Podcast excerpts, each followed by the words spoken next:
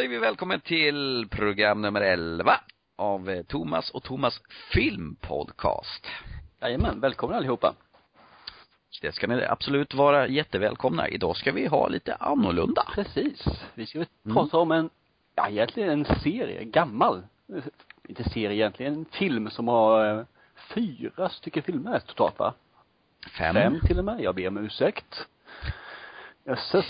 Och Jajamän. sen ska vi prata lite grann om, eh, ska man säga en genre? Mm, ja. absolut. En genre av eh, karaktärer kan vi säga i alla fall. Ja, en genre som ligger väldigt eh, nära till hjärtat. Våld. Våld, ja precis. Nej men vi har ju pratat så mycket nytt här nu så vi tänkte, det är dags att liksom hylla den gamla filmen också. Ja. Och, och eh, analysera och fundera på hur film gjordes nu och förr. Precis och eh, vad som har hänt längs vägen. Men, och varför. Precis. Men innan vi går vidare på det så skulle jag vilja avbryta och göra två saker faktiskt. Absolut. Eh, den ena har med film att göra, den andra har väl inte med film att göra egentligen så mycket. Mycket märkligt. Det kan vi inte prata om. Nej, okay. inte. Eh, det första är, vi fick en kommentar på vår Facebook-sida att det var någon som undrade om vi kunde ta en avsnitt enbart av serier, faktiskt tv-serier. Hoho! Nu pratar du! jag vet att du skulle bli lycklig.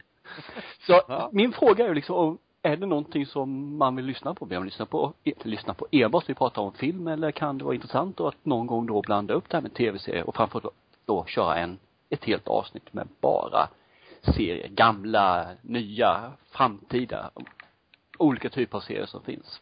Som vi kan hylla och dissa. Det är bara en öppen fråga, så ni får gärna höra av er som sagt bara med eh, kommentarer. Mm, Annars får vi ta ett eget beslut som vanligt. Ja, det är vi rätt duktiga på att göra. Absolut. Hela tiden. Och nummer eh, två, mm. det är egentligen någonting som jag avskyr att göra, men jag gör reklam. Mm. Ja. Det har ju faktiskt startat igång nu igen för, för 30 år har hållit på nu. Jag måste göra reklam för det, och det är Sommarpratarna på radio. Oh. Finns även på Ladda Hem som podcast, så att, eh, gör det också. Men när ni lyssnar på oss, lyssna på Sommarpratarna. Det är helt suveränt. Älskar det. jo, vi ska prata om Dirty Harry. Eh, en fantastisk filmserie som eh, utspelade sig mellan 1971 och eh, 1988.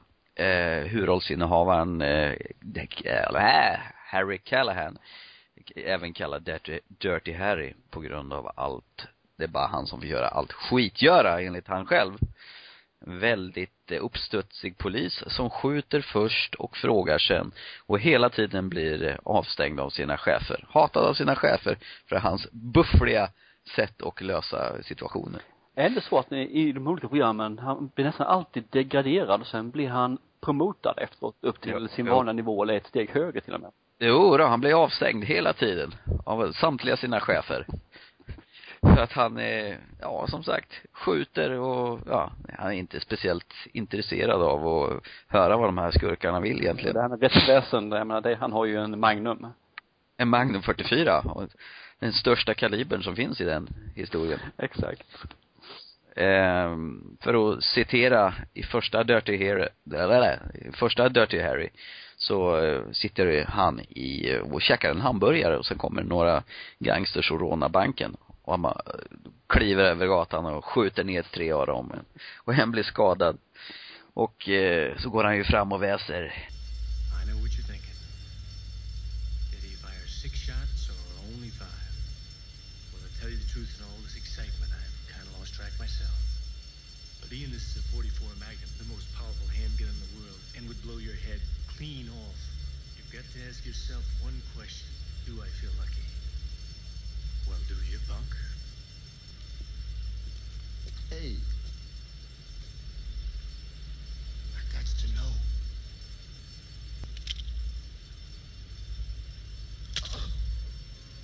Punk? Ja, det är ett av mina favorituttryck, helt klart. Ja. Och den sägs två gånger i filmen. Ja, det gör det. Fast fast, ska jag säga. I den svenska versionen som eh, gick upp på bio den 6 februari 1972. Okej. Okay. Då tyckte de att eh, filmen behövde kortas på sex ställen i filmen. Med sammanlagt två minuter och 42 sekunder. För att det inte skadligt påverka vuxna människor över 15 år. Ja, det var tur det ju. Ja, och bland annat så tog de bort hela scenen på slutet då Harry upprepar eh, det berömda Well do you feel lucky? Well do you? Punk? Just det, det måste vara punk som gjorde att man inte kunde visa det Ja. Jag fattar inte det med filmcensuren förr. De var lite väl trigger happy om man säger När så. fann Eh, den? Ja. Var det eh, 90-talet någon gång eller? Ja, jag tror det. Början av 90-talet. Eh, det, det klipptes ju precis allting. Filmer gick ju inte att se på. De var ju helt sönderförstörda. Jag mest minns, det var ju de här Arnold Schwarzenegger-filmerna, Kommando bland Ja, annat. jag kommer nämna den senare här i avsnittet. Ja, okej. Då, vi kan återkomma till det då. Eh, sönderklippt, men numera så finns ju alla filmer i orört skick och det är ju förträffligt. Och de är inte speciellt våldsamma om man ser till dagens mått, om man säger så. Nej, om man jämför med dagen och det som egentligen 11-åringar ser idag, det censurerade man ju då. Ja, visst är det så. Eh, jätteharmlös film egentligen. Eh, det roliga är med den här första Dirty Harry, det handlar om en eh, galen mördare. Woho! Cra- crazy. Som kallar sig för Scorpio.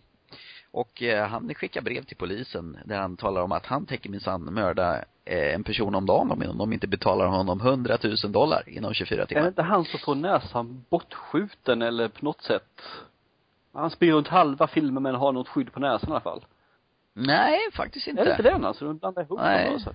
Ja, man ser väl, han ser väldigt galen ut. Det är det som är det roliga i den här filmen. Skurkarna i de här filmerna, de är extremt galna. Och de har ett minspel som spelar över och det kraftiska, nästan teatriskt. Som skulle kunna stå på någon teaterscen. Eh, och blodet är orange. Jag undrar om de gjorde det med flit, att det ska inte se riktigt äkta ut för att det inte skulle påverka folk för hårt. Vad, vad kan du tro? Nej, jag trodde bara att man kunde nog inte bättre då alltså. Det var billigt. Vad är det bästa de kunde ja, få till? jag tror inte man brydde sig så mycket om det. Det var ungefär som, eh, även någon känd regissör som lät eh, trådarna synas när ufona flög och sådana saker. Han- Och han tyckte att det ingen som bryr sig, det är ingen som ser det där. För det de har är känslan. Ja, Okej. Den här eh, Scorpio, den eh, ska tydligen baseras på en annan mördare som skickade massa brev till polisen och jäckade dem. Okej. Och de, som de aldrig fick fast. Vart tusan hette han nu igen? som Det Zodiac. Ja, precis. Zodiac Killer. Det här ska väl vara lite lätt baserat på den mördaren då, Det känns så till sen. Det kom 2000, som heter väl Zodiac Killer. Där kom den 2006, 7, 8. Ja, den var jättebra ja, den filmen. suverän. Se den, Ja. se den. L- ja, har gjort det. Det var inte mig du Nej, pratade med. det var de som eventuellt lyssnar. Okej. Jag sa de var Ja, där. precis. Det är alltså inte bara du och jag, utan andra också. Nej, vad ska jag prata med dig? Nej, inte vet Jag kan jag. göra som helst. Ja. Det intressanta med Dirty Harry, om om man ska backa igen, eh, så var filmen egentligen skriven för Frank Sinatra. Men eh, sen skrev man om den lite grann för att det skulle passa Clint East- Clint Eastwood då Frank Sinatra tackade nej. Och det var väl jäkla tur Jag det. tänkte ju säga det. Frank Sinatra som Dirty Harry, det hade ju blivit en eh, rätt komisk sak. Han hade nog sagt I do it my way. Och gjorde ju Dirty Harry istället. Ja, precis. Med en dry martini i näven istället för en eh, Magnum 44. Eh, gjordes ju snabbt att det här kom ut, den första filmen kom ut 71. Ja. Och eh, det är väl då som han presenterar sin Magnum-pistol egentligen va? Ja, visst är det så. Och det var väl den mest inkomstbringande filmen det året Ja, faktiskt. Okej, okej. Eh, det skulle dröja två år till innan han repriserar sin roll 1973. Mycket fint år. Eh, något speciellt med det året? Jag föddes. Då kommer du ihåg den här filmen som det var? Oh ja, jag såg den när den hade premiär. Ja. ja. Nej, Magnum Force är faktiskt en av de här Dirty Harry-filmerna som jag har, inte har något direkt minne av, ska jag erkänna. Nej, då ska jag naturligtvis, eh, vad heter det, refresha det åt Det dig, jag. helt enkelt. Ja. Eh, I denna här Dirty Harry-filmen, eh, som då heter eh, Magnum Force, eh, introsekvensen är ju rätt fantastiskt löjlig. Eh, man berättar om eh, eh, den här pistolen, hur kraftig den är. Och sen ser man att det är någon någon person står och håller den här pistolen i sidled och det är ingen stillbild på det utan det är en människa som står och håller med den här revolvern och börjar bli tungt efter en stund, så man ser handen börja skaka där. Och sen sakta men säkert så pekas pistolen ut mot själva kameran där och blåser av ett skott. Ah. Och då, och då kommer det här Clint Eastwood is Dirty Harry in Magnum Force. Fast utan eh, den här speakerrösten. Det skulle kunna varit det, men ja. Och sen kommer det här klassiska 70-tals eh, till musik. Allting lät ju likadant på 70-talet. Så här storbandsjazzigt nästan. Om du kommer ihåg hur, hur det lät Ja, då. ungefär. Man kan Ja. föreställa mig det. Ja. Eh, Och i nummer två så handlar det om eh, en eh, hög med trafikpoliser på motorcykel som skjuter gangsters på hög nivå som är kriminella. Mm. Och då får Dirty Harry återigen jaga dessa personer. Och vet du vad? Han, han blir avstängd här också. Nej. Av sin chef. Men han blir återinsatt sen och tur är väl det, för han skulle inte ha blivit en fyra. Nej, det är sant. Visst är det så. Eller tre för den delen. Eh, det hand, allting utspelar sig i San Francisco. Jag vet inte hur många filmer som gör det. Actionrullar. Är många på grund av alla backar där va? Är de väl använda Jag kanske? tror det. Är det inte vid Rock också, kanske? Mm.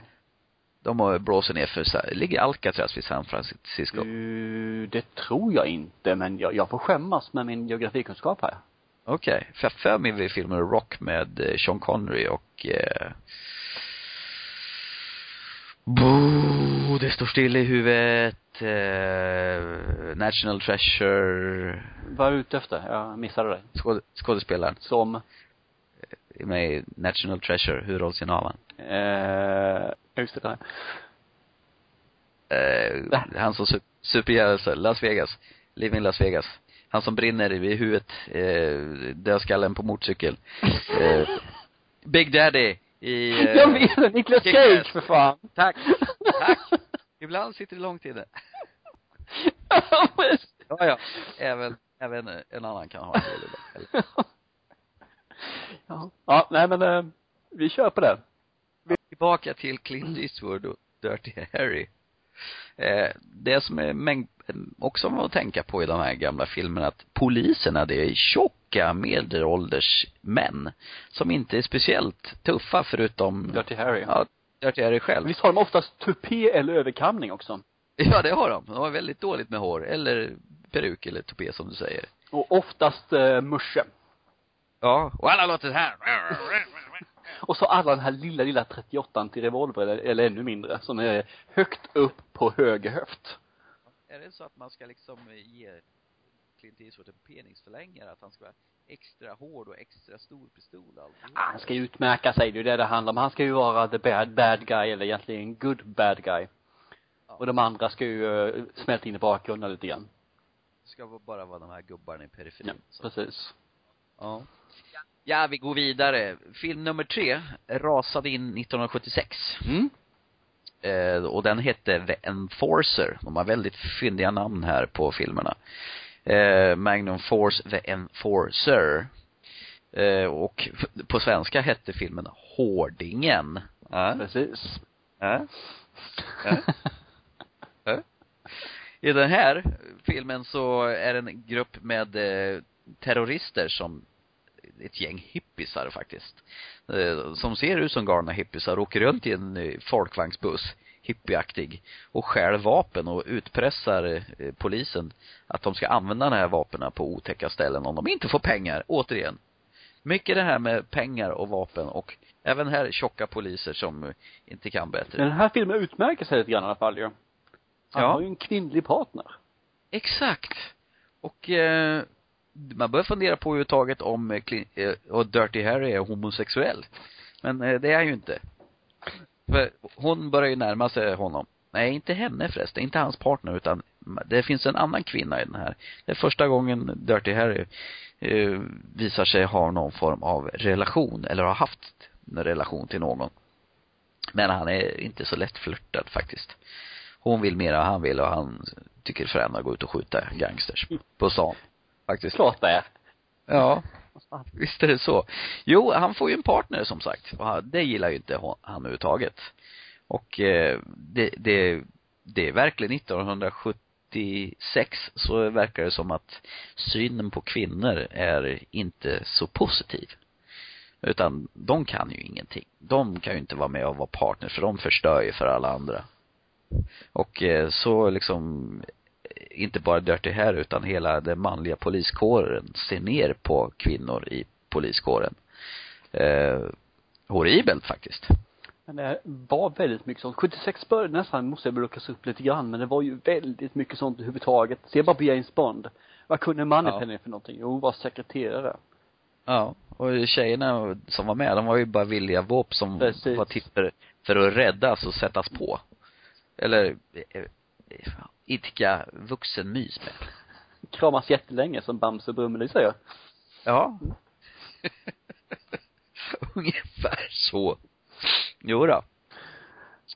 Ja, ja eh, det var faktiskt, som du säger, utmärkande med det att han fick en kvinnlig partner. Så där har de tänkt till ordentligt. Ja, det var en fyndigt värre. Ja. Sen skulle det dröja ända tills 1983 innan Dirty Harry dyker upp igen och Eh, då är det faktiskt Clint Eastwood själv som sitter i regissörstolen. Och här tar ju faktiskt eh, kvinnosynen en helt annan vändning. Det är en, en kvinna som har blivit våldtagen.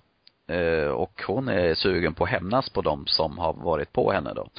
I en liten stad utanför San Francisco. Och eh, gissa vad? Dirty Harry, som har blivit eh, suspenderad eller avstängd som han heter, av sin chef igen. Han till slut blir, eh, han får ta det här fallet ändå. Efter han inser att, ja det är bara han som klarar av sådana grejer. Han är duktig på att bli avstängd den här ja, mannen. men det är perfekt. Gratis semester. Exakt. Och det som den här filmen är väl mest känd för, det är ju den här eh, kommentaren som felaktigt blandas ihop ibland och tror att det är första Dirty Harry. Det är den här Go ahead, make my day. Och den känns bekant. Den är väl hans trademark då? Ja, absolut. Jag vet inte, undrar om den är mer uh, känd än vad uh, Do you feel lucky, well do you punk? Jag vet inte, jag, personligen tycker jag ju den första Do You Feel Lucky Punk, den, ja. den, den är ju, ligger mig varmare runt hjärtat alltså. Men ja. eh, jag tror nog att, som sagt så att den andra är nog mer känd bland gemene man. Ja, det kan nog vara så. Och jag börjar fundera på om det var egentligen med de här filmerna, de här catchphraserna dök upp. Eh, överhuvudtaget. Att eh, skurken skulle få någon frän replik innan han blev mulad på slutet. Eh, jag vet inte, vad tror du? Jag har sett lite äldre filmer. Nu får jag faktiskt säga, jag är väldigt, väldigt dåligt förvandrad i de eh, filmer på 60-tal, eh, 50-tal. Men eh, ja. det finns ju catchphrases där också. Men de är inte alls så frekventa och framförallt inte ut så utmärkande av de filmer jag har sett. Nej, jag tänker på senare då, Bruce Willis ganska väl använda Yippee motherfucker eller mm. i, i, i, i aliens, get away from her you bitch och hasta la vista baby och alla de här if you wanna live come with me Schwarzenegger så I'll be back för all del. Den är ganska känd ja. Den använder han väl i alla filmer han har överhuvudtaget har medverkat i. Nära på. Ja jo men det kan nog ligga något i det som sagt de här eh, lite snabba fyndiga kommentarerna som ska finnas det, det kanske blev lite mer eh, vanligt där under den perioden i alla fall. Sen vet jag inte mm. om det är Harry, Dirty Harry som eh, drog upp det, det vet jag inte, men under den perioden kom det i alla fall. Ja, jo, det var väl så. Skulle jag tro. Sen eh, om vi ska gå vidare till sista eh, filmen om Dirty Harry 1988. Då eh, handlar, det här var faktiskt lite annorlunda, Dirty Harry. Och eh, ja. det här är ju, i och för sig, den, den är ju ganska mycket senare. Och då handlar det faktiskt om ett spel som sker i, i stan. Ett hemligt spel. Där folk blir dödade, kända människor. Och det börjar med faktiskt, det här är lite kul, att en rockstjärna som heter Johnny Squares blir dödad mitt under en eh, musikvideoinspelning. Och han mimar faktiskt till Welcome to the Jungle av Guns N' Roses. Och eh, den som spelar hårdrocksstjärnan, det är Jim Carrey. Just det. Så jag börjar fundera på om det var första gången man har sett Jim Carrey överhuvudtaget. Eh, ja, innan han blev Ace Ventura och Dum Dummare och allt det där. Ja. Han har, han har gjort mycket innan också. Det har han gjort, det ska man inte säga någonting. Nej, det är sant. Men, eh, Ja, jag vet inte. Inget som jag kan komma på i alla fall. Jo, jag vet Ja. en. Eh, en väl tittad VHS-kassett eh, som eh, jag hyrde ett x antal gånger som heter En Lady på bettet. Eh, Once Bitten tror jag den hette på original. Ja. Då, eh, vad heter det, Jim Carrey kör runt i en eh, glassbil faktiskt och säljer glass. Och eh, är lite såhär oskuldsaktig och har, har en tjej som nästan har gått hela vägen med då. Och så åker han och några kompisar ner till någon krog nere på stan och sitter och raggar på äldre kvinnor. Givetvis. Ja, och den här äldre kvinnan eh, drar med Jim Carrey hem till sig och hon visar sig att han är, att hon är ju vampyr förstås. Och han sätter vampyrbettet på insidan av hans lår så att det inte ska synas. Den är rätt kul faktiskt. I alla fall har jag för mig att det var rätt kul och han börjar bli ljusskygg och bär mörka solglasögon och vill börja käka rått kött och så vidare. Eh, faktiskt rätt kul film med Jim Carrey om den finns att få tag på på något vis. Från 1985. Eh, Lady på bettet hette den på en gammal sunkig VHS-kopia men den väl gick att hyra på VHS i alla fall. One Spitten heter den på engelska vet jag. Exakt. Eh, rätt så fin, tidstypisk 80-talslåt i samma andra som just hette One Spitten. När vi är inne på medverkande personer här så har ju faktiskt Liam Nilsson också? Ja, exakt. Våran Ja, husgud. en av dem, en av dem. Ja, vilken var den andra? Det var väl eh, Tom Cruise va? Ja, just Eller det. hur var det? Det var han med, som hoppar ur garderoben med ett leende. Burn After Reading. Bra film. Oh ja. Har jag Ja. det nämnt innan? Ja. Josh Clooney tror jag är med på en liten roll Oh den ja. också. Han har gjort otroligt bra filmer. Up in the air till exempel. Ja, det har jag faktiskt inte sett. Nej, det är en av de här få romantiska komedier som jag verkligen tyckte om.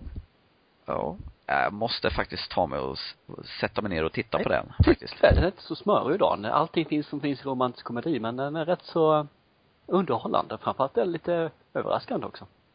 Ja, kul. Härligt. Jo då. Eh, som sagt, The Deadpool. eh, Till och med kändisar som blir eh, dödade och eh, det roliga med den här filmen är att eh, på den listan med kändisar som förväntas bli dödade så finns, eh, lokala kändisar ska man säga, finns även eh, Harry Callahans namn med så han måste leta reda på mördaren innan han själv blir mördad. Den du! Är inte den här kändaste scenen, jag kända, kända, det finns det två egentligen här, men det här är den här radarstyrda bilen som kör in Just det. och in under bilen och ska poffa lite grann. Exakt, med någon sprängladdning. Yes.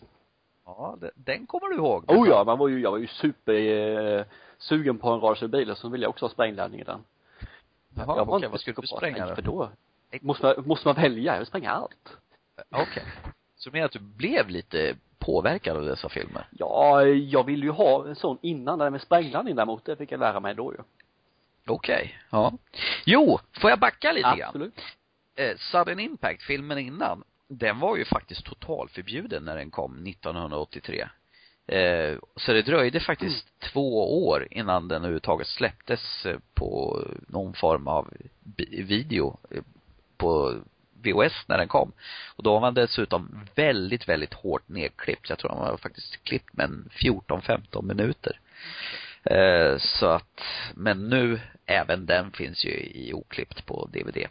Tack och lov. Ja, absolut. Vet du, 14, 15 minuter på de filmerna som bara är 117 minuter lång, det är, Ganska ja, mycket. det är det. Ja. Exakt.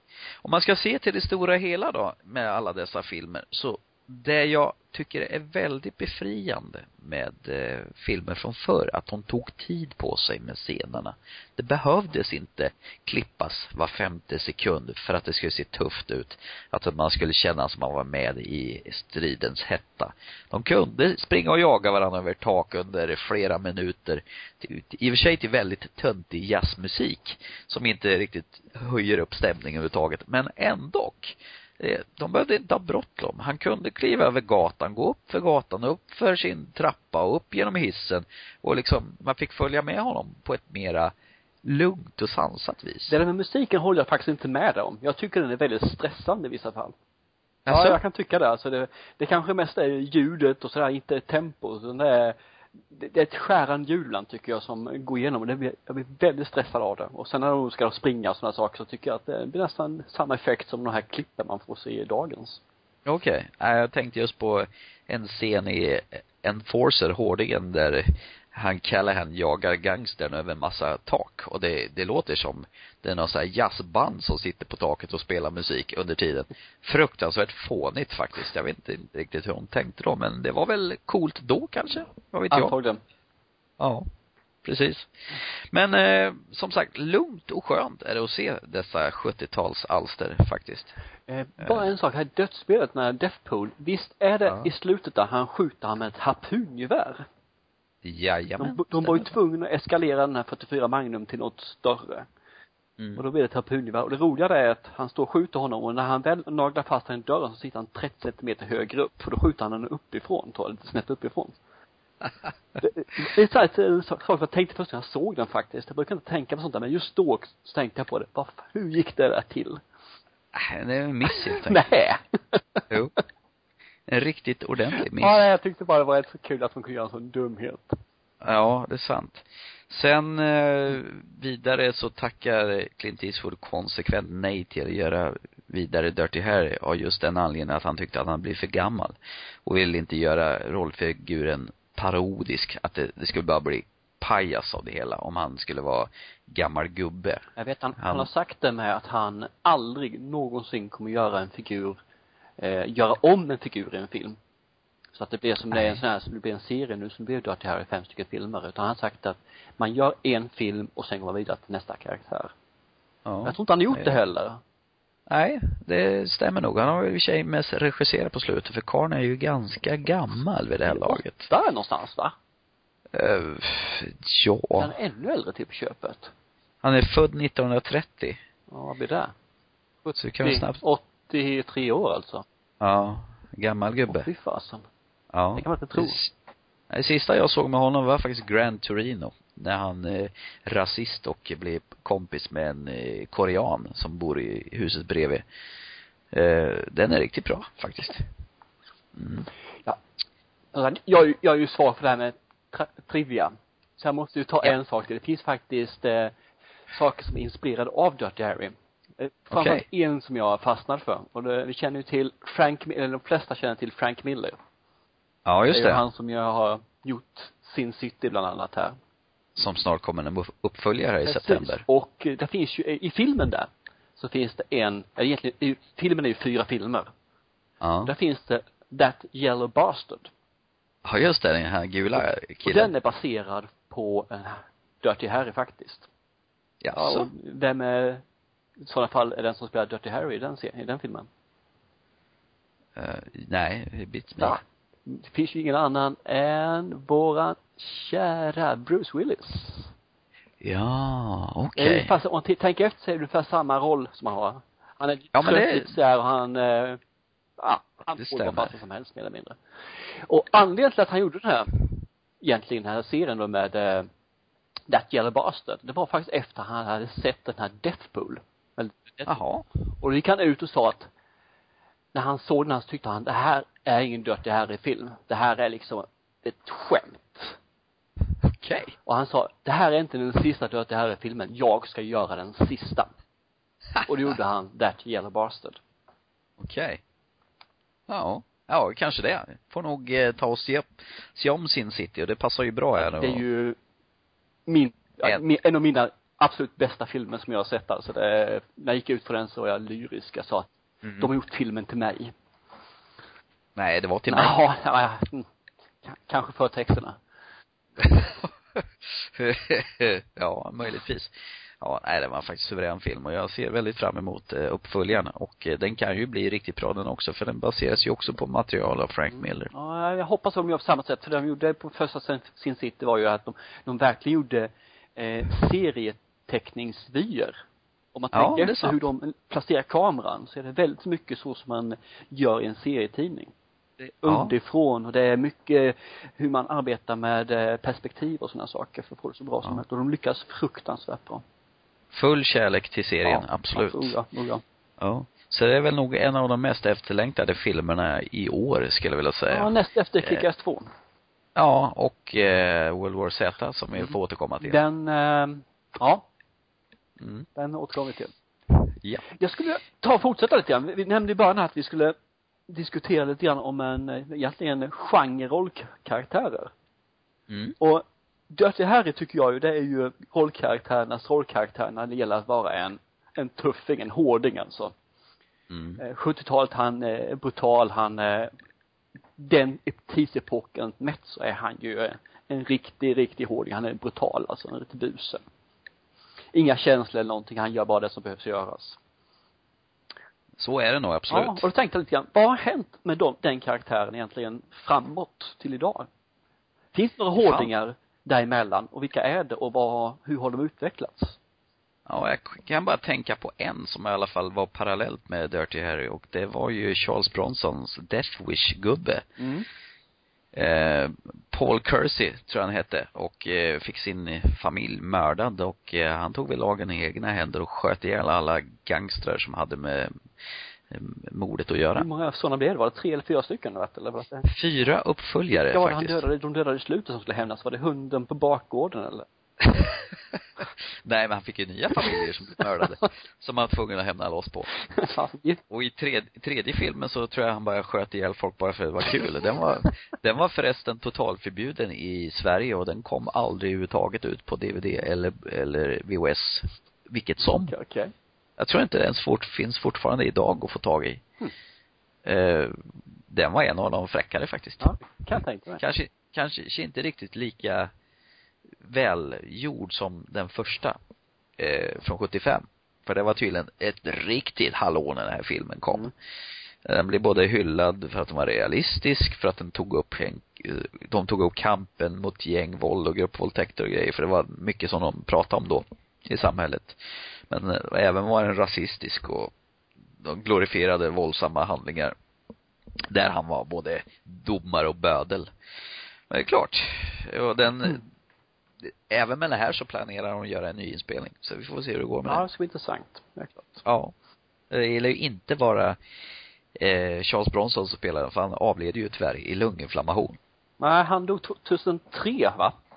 Mm. Ja, precis. Det var ett klent sätt att trilla in ja. på med tanke på att han var så tuff. Ja, han skulle dött på en filminspelning ju. Ja, ja, ja. Visst. Han utförde sitt eget stunt. Lunginflammation?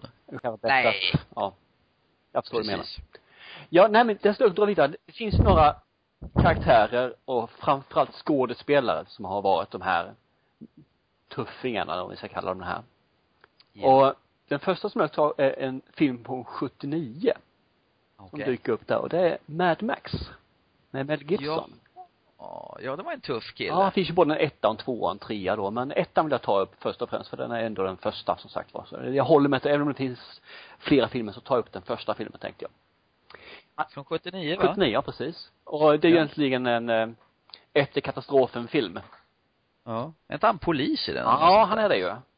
Att, ehm, och det är som vanligt, filmen utspelar sig så efter allt ett, kommer inte ihåg ett världskrig eller om det bara är ett sönderfall av eh, samhället. Men eh, bränsle är ju värt guld, det är ju mer bättre än mat verkar det som. Folk det är hårdvaluta ordentligt va? Och uh, han är ju en tuffing som sagt var. Han träffar på ett motorcykelgäng, nej det är Road Warrior där förresten. Men han, ja. det är som sagt han är polis och han åker runt och han, det är mycket det här att eh, lite, lite underfundig humor, lite kommentarer som finns där och som också finns då i Dirty Harry-filmerna. Och samtidigt gör han det som krävs. Han skjuter folk och sen så frågar han sen vad egentligen som gällde. Ja. Fast jag för mig första filmen när han är polis, och han får väl någon, eh, hans fru blir väl också mördade, har jag för mig. Yes. Och, och även sonen tror jag. Ja. Och eh, han är väl lite mer mänsklig i den här, i uppföljaren Road Warrior, där är han väl bara tuff. Där är han brutalare, det stämmer. Ja. Att, eh, så om man ändrar lite på karaktären där tror jag. Eller också har han bara odlat fram sin Och i tredje tuff. sen så är det ju en mer, lite mer humor i Fandom med Tina Turner som är med då. Just det, var då hon tryckte ut den här We don't need another hero Precis. som de Otroligt bra musik också, hela filmen så 80-talsklassiker. Ja, jodå. Ja. Eh, nästa film, egentligen, och det, det, det vad ska man säga, det här är egentligen eh, mer, vad heter det, skådespelaren som sådan och kan ta upp räknat på alla hans filmer mer eller mindre som har gjorts då ju. Men det är ju ja. uh, Sylvester Stallone i First Blood. Ja, det är vilken hårding Ja, va? han är ju en tuffing han skär ut skott och han eh, bränner sig och han gör vad som helst i ettan, tvåan, trean, fyran eller hur många det finns nu över Rambo här.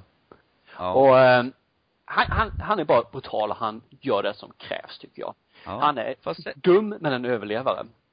Ja, fast även det, likadant där i första filmen, den har ju helt annorlunda karaktär mot resten Stämmer, av filmen. jag tänkte på det första jag gjorde faktiskt. Men fortfarande så, han är lite grann på fel sida om lagen, ish, i det här ju. Ja. Men han är väl förstörd och skadad, någon veteran som vill bara, ja, komma tillbaka och poliserna börjar väl jävlas med honom. I only want to be left alone. Ja. De gillar att tracka honom på något vis. Ja, de gjorde det, för han är, han är ju förstörd med skott och sådana saker på mig, så att han är mentalt nedbruten. Ja. Men ändå så, i slutet där så blir det ju egentligen riktiga Rambo som, som alla känner till då. Jag tycker Exakt. första är en riktigt, riktigt bra rulle faktiskt. De andra kan man kasta soptunnan, men just First Blood är suverän. Om man läser novellen så dör faktiskt eh, Rambo i slutet av boken. Ha, det kommer inte jag ihåg. Så, så egentligen så är det omöjligt att göra fler, men de ändrade ju på det i filmen naturligtvis. Det går så, det finns faktiskt en bok sen också som heter First Blood 2, så att de gjorde en bok till.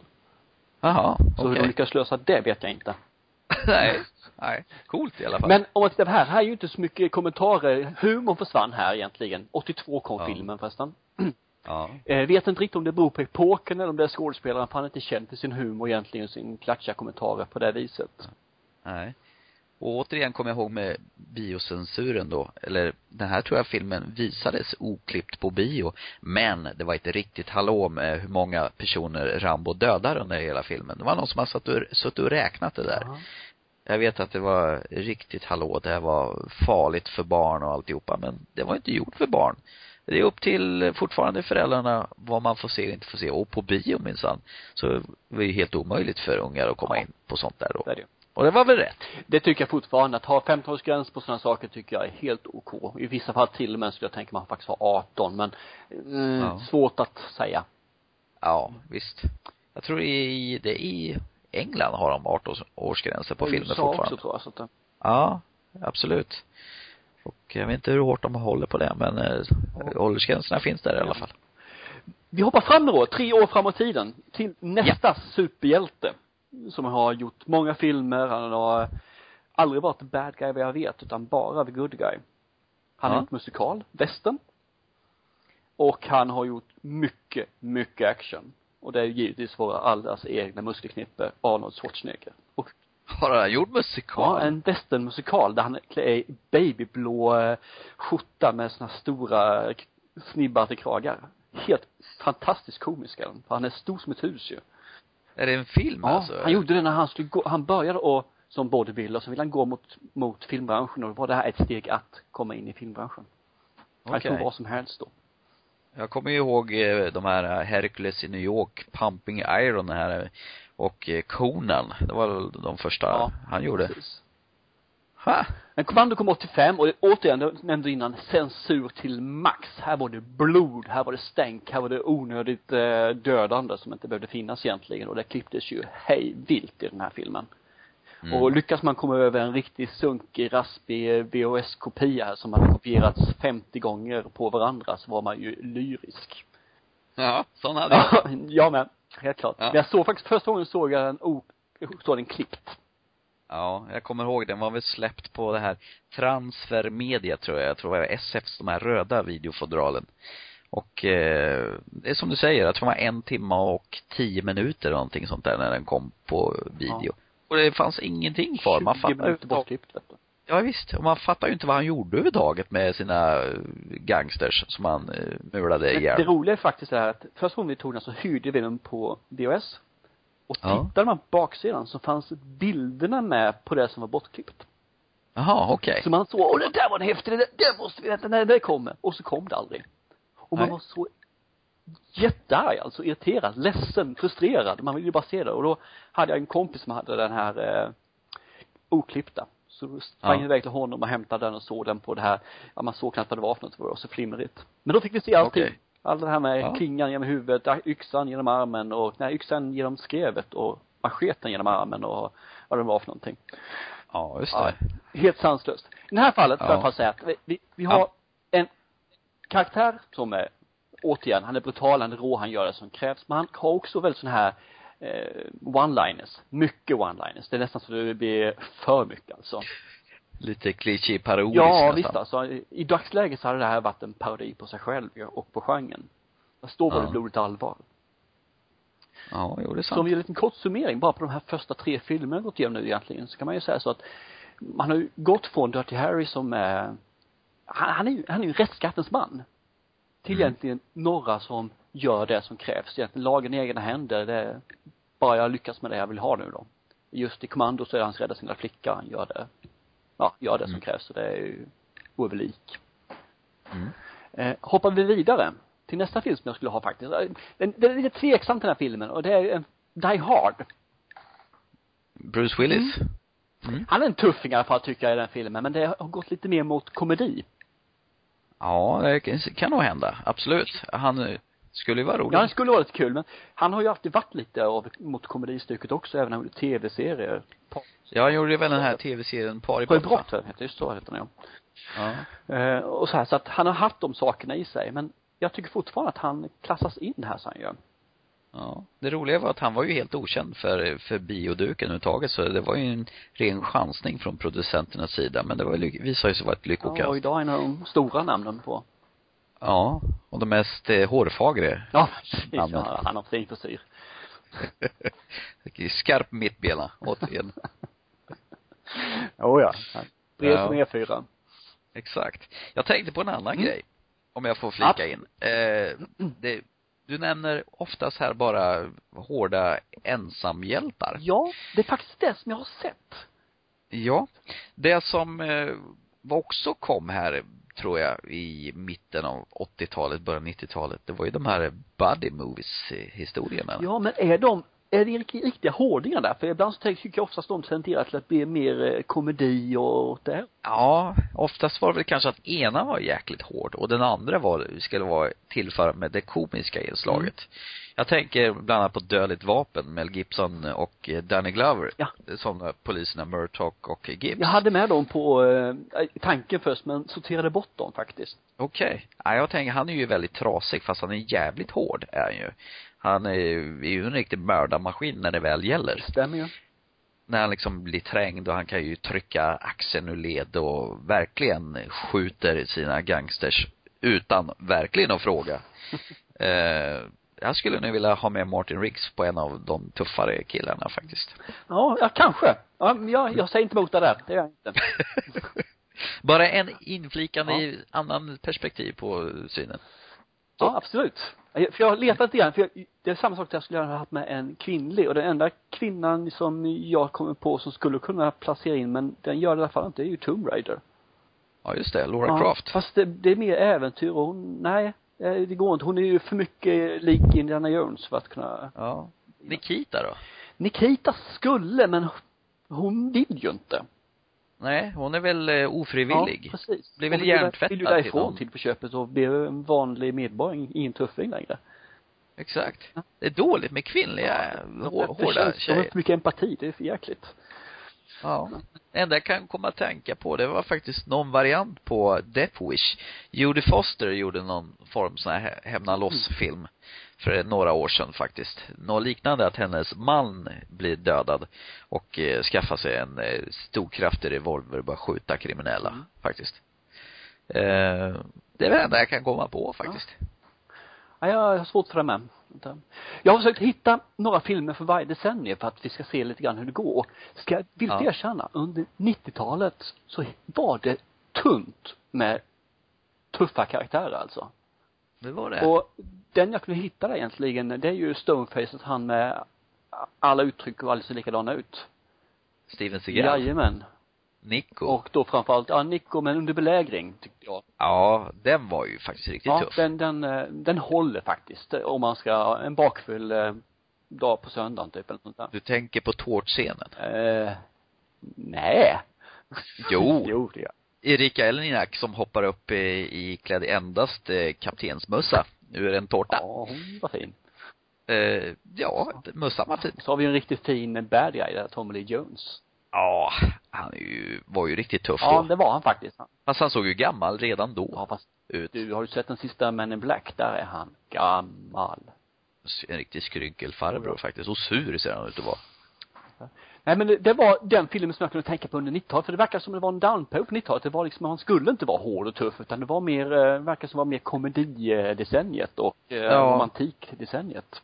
Även Arnold Schwarzenegger gjorde ju några sådana riktiga Jo, för det var ju den här Twins de här kom väl då med va? Ja, Ja. sista actionhjälten tror jag. och Det gjorde lite någon, mer komedi än vad det egentligen är action och uh, brutaliteter. ja, stan. Så 90-talet är alltså ett eh, förlorat decennium mer eller mindre när det gäller action och uh, våld. Ja. Tragiskt. Sen hoppar vi in jag ska faktiskt frångå exemplet här. För Okej. under 2000-talet så vill jag ta två filmer som är med samma skådespelare. Okej, spännande. Och det är faktiskt eh, Triple X och Pitch Black. Inte den ordningen utan Pitch Black och Triple X. ja, ja, det är han som kör diesel va? Vin Diesel, precis. Vin och diesel. Ja. Vi kvinnor och vind Det är inte bra jag kör full. Nej, Pitch Black gillar jag. Pitch Black är en underbar film som är egentligen en science fiction film där han har väl polerat ögonen på något vis han ser i natten och de kraschlandar på en planet någonstans. Med massa Ja, alien-liknande ord. brutala till på köpet är de ju. Ja. De gillar att äta Och i folk. det här fallet så är han faktiskt så ovanligt, för innan de har sagt så har alltid varit en the good guy. Han är egentligen en, en elak good guy. Han är egentligen en brottsling. Och han är ingen hjälte utan han gör det här för att överleva. Han bryr sig inte om någon annan egentligen mer än sig själv. Nej, det är sant. Och kan han springa ifrån de andra så att de kommer efter så att de tar dem istället för honom så gör han det i filmen. Det är egentligen bara en kill, pojke där som han eh, får lite tilltro till som han vill hjälpa. Just det. Tuffa solbriller har han på sig också. precis. Så att den vill jag ta med som sagt var. Pitch Black är en rätt fin film. Sen kommer ju en efterföljare på den här Pitch Black då som jag inte är riktigt så här, med Riddick. Ri- Just det, Chronicle of a Riddick kommer jag. en film till med Riddick nu. Som bara heter Riddick. Det är, Riddick, Riddick. fast det är en direkt efterföljare till Chronicle of Riddick. Är det det? Ja, den. Fortsätter tyckte- när, när den slutar. Den var väl ova- onödigt lång har jag för mig. Riddick ja. Ja, Ja. precis. Det var den. Och Mm, dålig också så att den Ja. Fast han är väl lite som Steven Seagal. Han har väl inte så vansinnigt mycket han är inte ansiktsuttryck. han är en eh, aktör kan man säga, eller vad blir det för någonting? Han agerar. Han, han spelar Vin Diesel i alla filmer. Yes. Och det gör han även i Triple X ju. Ja, och eh, Fast and Furious för all del. Den vill jag inte ta med. Det, det tycker jag mer är en road movie, eh, komedi, visa upp snygga bilar, brudar, film. Det har du faktiskt rätt i. Så att, I den ordningen. ja, exakt. Men eh, Triple X ettan tycker jag faktiskt är rätt så cool också. Där han blir hijackad och eh, egentligen, du är död. Men vill du leva så får du hjälpa oss, typ. Ja, just det. Sen hoppar Vin Diesel av. Det är någon annan Ice Cube, Ja. en sån här rapstjärna tror jag som kör Småfet figur som inte he- hemsk Ja. film som inte borde ha sett, sett Och dagens sen ljus. kom det väl en trea också på det där tror jag. Jaså? Ja, och då blev han, tror jag, tillbaka, eh, Van Diesel och de andra också för den delen. Triple X 3? Ja, nu vågar jag knappt säga Nej, du, ta mig inte min sanning där. Jag, jag har läst någonstans men jag kan inte komma ihåg var eller hur så att vi kan Okej. lämna den overifierad. Jajamän. Det är alltid spännande. Precis. Sen Ja. hoppar jag raskt fram till slutet av eh, första decenniet på 2000-talet. Eller slutet, slutet, andra halvan är det. Ja. Och det här är lite kontroversiellt också för det är faktiskt filmen 300. Okej. Då tänkte jag på kungen där. Den här, eh, Leonidas heter han förresten. Inte han som ser väldigt bögig ut? Garrett Butler. Ja. Nej, jag tänkte han den där kungen som de eh, Ja. försöker avsätta, han som ser androgyn ut med massa ringar och skit i ansiktet. Ja, just det. Vad hette han för någonting? Ja. ja. Fast han är inte så tuff. Eh, Xerxes heter han för fasen. Just det. Nej, han är inte så tuff egentligen, men eh, ja, Gerard Gerard Butler är tuff. Garrett Butler, eh, ja, tuff och tuff. Han har ju sminkade sexpacket så ser väl tufft ut. ja, det är sant. Fruktansvärt bra musik i hela filmen alltså. Det, är Bara för den kan man se den. Men filmen är sisådär måste jag erkänna. Jag tycker den är rätt så löjlig. Men han platsar ändå bland de här eh, galna personerna som eh, är tuffingar. Han tar med sig 300, spän, 300 män och eh, som en hedersvakt och möter 40 000 människor eller om det är ännu mer. Som är hela babyloniska hären där. Är inte det också lite li- typ så här serietidningslook på den också? Jag har för mig att blodet framförallt skvätter och splattrar i alla möjliga och omöjliga Det är vinklar. mycket, det är en orgie i slow motion eh, saker här alltså. Både Ja, blodet och eh, när man attackerar och flyger genom luften så är det ju mycket sakta ner, accelerera, sakta ner igen. Det låter som tv-serien Spartacus. Den eh, Det- påminner också om Ja, detta. de är likvärdiga för att säga i just det där. Men Spartacus gör det lite mer omotiverat tycker jag. Ja. Mer naket. Mer naket också, helt klart. Ja. Sen hoppar vi fram till eh, en tuffing fast han eh, egentligen jag ska säga en effektiv tuffing kan vi säga. Han är, det är inget extravagant, ingenting så så att inga, inga kommentarer, han är ganska timid och han gör det som krävs effektivt. Det, det är Okej. våran kära Liam Nilsson i Taken. Ja, herregud. Det, det, Det ja. bästa med filmen är att det är inga flashiga slagsmålscener utan det är, han gör pam pam, död, pam pam, knockad, pam pam. Ja men det, det är liksom inte det här att de parerar, slåss och håller på och joxar i fem minuter i slagsmål utan den varar i två sekunder. Snabbt och effektivt Jajamän. med gott mod och eh, mycket motivation. Känns rätt på något vis. Ja, eh, det var faktiskt en riktigt bra film. Den är fruktansvärt bra. Taken 2 kan vi glömma, den har inte funnits. Men Taken 1, Ja. den är suverän är den. Ja, den ligger också faktiskt på min lista av de bland de bästa, i alla fall actionfilmerna någonsin, tycker jag. Ska vi säga att på 2000-talet så är det nog den bästa. Det kan jag absolut hålla med om. Tycker jag. Sen är vi framme i nutid. Oh. Yes. Och återigen, jag har jättesvårt att hitta en riktig tuffing, en sån här kille som man kan kalla hjälte här egentligen. Så här riktig alltså som gör det. Ja. Det närmaste jag kommer här egentligen, det är Jack Reacher. Okej. Med då Tom Cruise. Ja. Um, lite för känslor, lite för mycket på det viset i alla fall. Men jag tror att det nästan är det som man har man strävar efter, man tittar på det, bara Taken också, det finns också en mjuk sida i eh, Liam Nilssons rollkaraktär. Och jag tror att det är dit som det hela tiden har strävat nu här, från egentligen 90-talet och hitåt, det är att karaktären har fått en mer eh, humanistisk sida, en mjukare sida, en känslomässig sida, som är mer, de är alltså mer mänskliga. Han ska inte bara vara tuff Inte helt bara enkelt. tuff utan det ska finnas någonting mer bakom, så finns det en underliggande också. Ja. Och jag tror att, kommer vi titta längre fram nu, bara för att eh, snabbt kommer, så tror jag vi kommer få se mer av den här typen, alltså att de kommer vara tuffa, de kommer göra det, men de, kommer också ha ett samvete och inte tycka om det om man säger så, utan det kommer finnas då att sammetskval, de kommer ha mycket, mycket mer känsla och de kommer kanske hända loss och sen så kommer de i stort sett få eh, gå i terapi ett tag då i filmen och må jävligt dåligt. Lite grann som om du sett uh, The American med George Eh, jaha, George han Clooney är, ja, just det. han är en som kontrakterad mördare. Och, Ja. men han mår skitdåligt rent ut sagt, ursäkta svordomen. Han, han är så, han, han är så, som, lite grann som eh, Rambo i ettan, han är förstörd. Han ser fiender i alla fönster, i alla rörelser. Folk som rör sig lite annorlunda förföljer efter han kanske i 150 meter tror han är en lönnmördare som skulle kunna attackera honom. Han är paranoid Väldigt paranoid så han är. Och så sover han då dåligt han kommer ihåg folk som han har mördat. Gud vad härligt det Mm. låter. Så att jag tror att det är nog lite grann det hållet vi kommer gå framgent. Vi kommer få se mänskliga tuffingar. Ja. Min lilla spaning inför framtiden.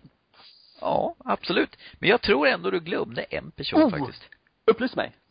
Ja. Eh, våran kära Jason Statham, han är ju ganska hård. Jag tänker på Crank och eh, Bullet, eh, vad fan heter det? Ja, Transporter ja, 1, 2, Ja. 3. Och eh, Bar- Guns and Two Barrels, vad fan heter den? Guy Ritchies rulle. Eh, Two Smoking Barrels. är en jävel mig. Ja. ja. Hur som haver det, eh, Transporter och Crank ja. framförallt. Ja, du har helt rätt. Det är, de glömde jag. Och jag skäms. Jag flikade bara in där Framförallt grann. Crank får jag ta med där faktiskt. Transporter, mm, ja, jo, han också. Men Crank Okej. framförallt. Där är han ju en riktig tuffing. Jag menar, ha sex med sin fru mitt på torg, det, det är tufft. Det är jättetufft att dra nässpray och dricka Red Bull för att hålla adrenalinet uppe. Hann inte avsluta. Och sen att det avslutar innan man är färdig och stickar ifrån, det är ännu tuffare. Ja, eller hur? Lämnar ni kvar på gatan liggande. Nej, men det, det kan inte bli tuffare än så. James Bond då? Ja, han var säkert tuff på sin tid på 60-talet. Ja. Men han blev ju mer en komedi, komedi, komedi sen, alltså en, eh, när um, Roger Moore Roger Moore. vart ju, eh, han sänkte James Bond tycker jag. Han har ju bytt skepnad rätt många gånger genom de här åren han har funnits till, 50 år. Jag försökte ju sen att höja upp hans actionfigurer med Timothy Dalton men äh, misslyckades ju för att folk ville ha Roger Moore verkar det som. Ja, han var, det var för tidigt för att göra stenhård actionfilm för det var inte James Bond längre. Nej. Eh, fast jag tycker nog de har lyckats rätt bra på sistone faktiskt. Med eh, Daniel Craig. Mm. Jag har eh, faktiskt en blandning av Ian Flemings original och lite lätt humor fast ändå inte så överdrivet. Fast Quantum of Solace var inte bra. Nej, den var ju riktigt vidrigt dåligt. Men den här sista Skyfall, den eh, finns fortfarande hopp om James Bond-serien. Yes. Nu, Däremot Casino Royale var ju suverän med hans första film med James Bond. Ja, riktigt bra faktiskt.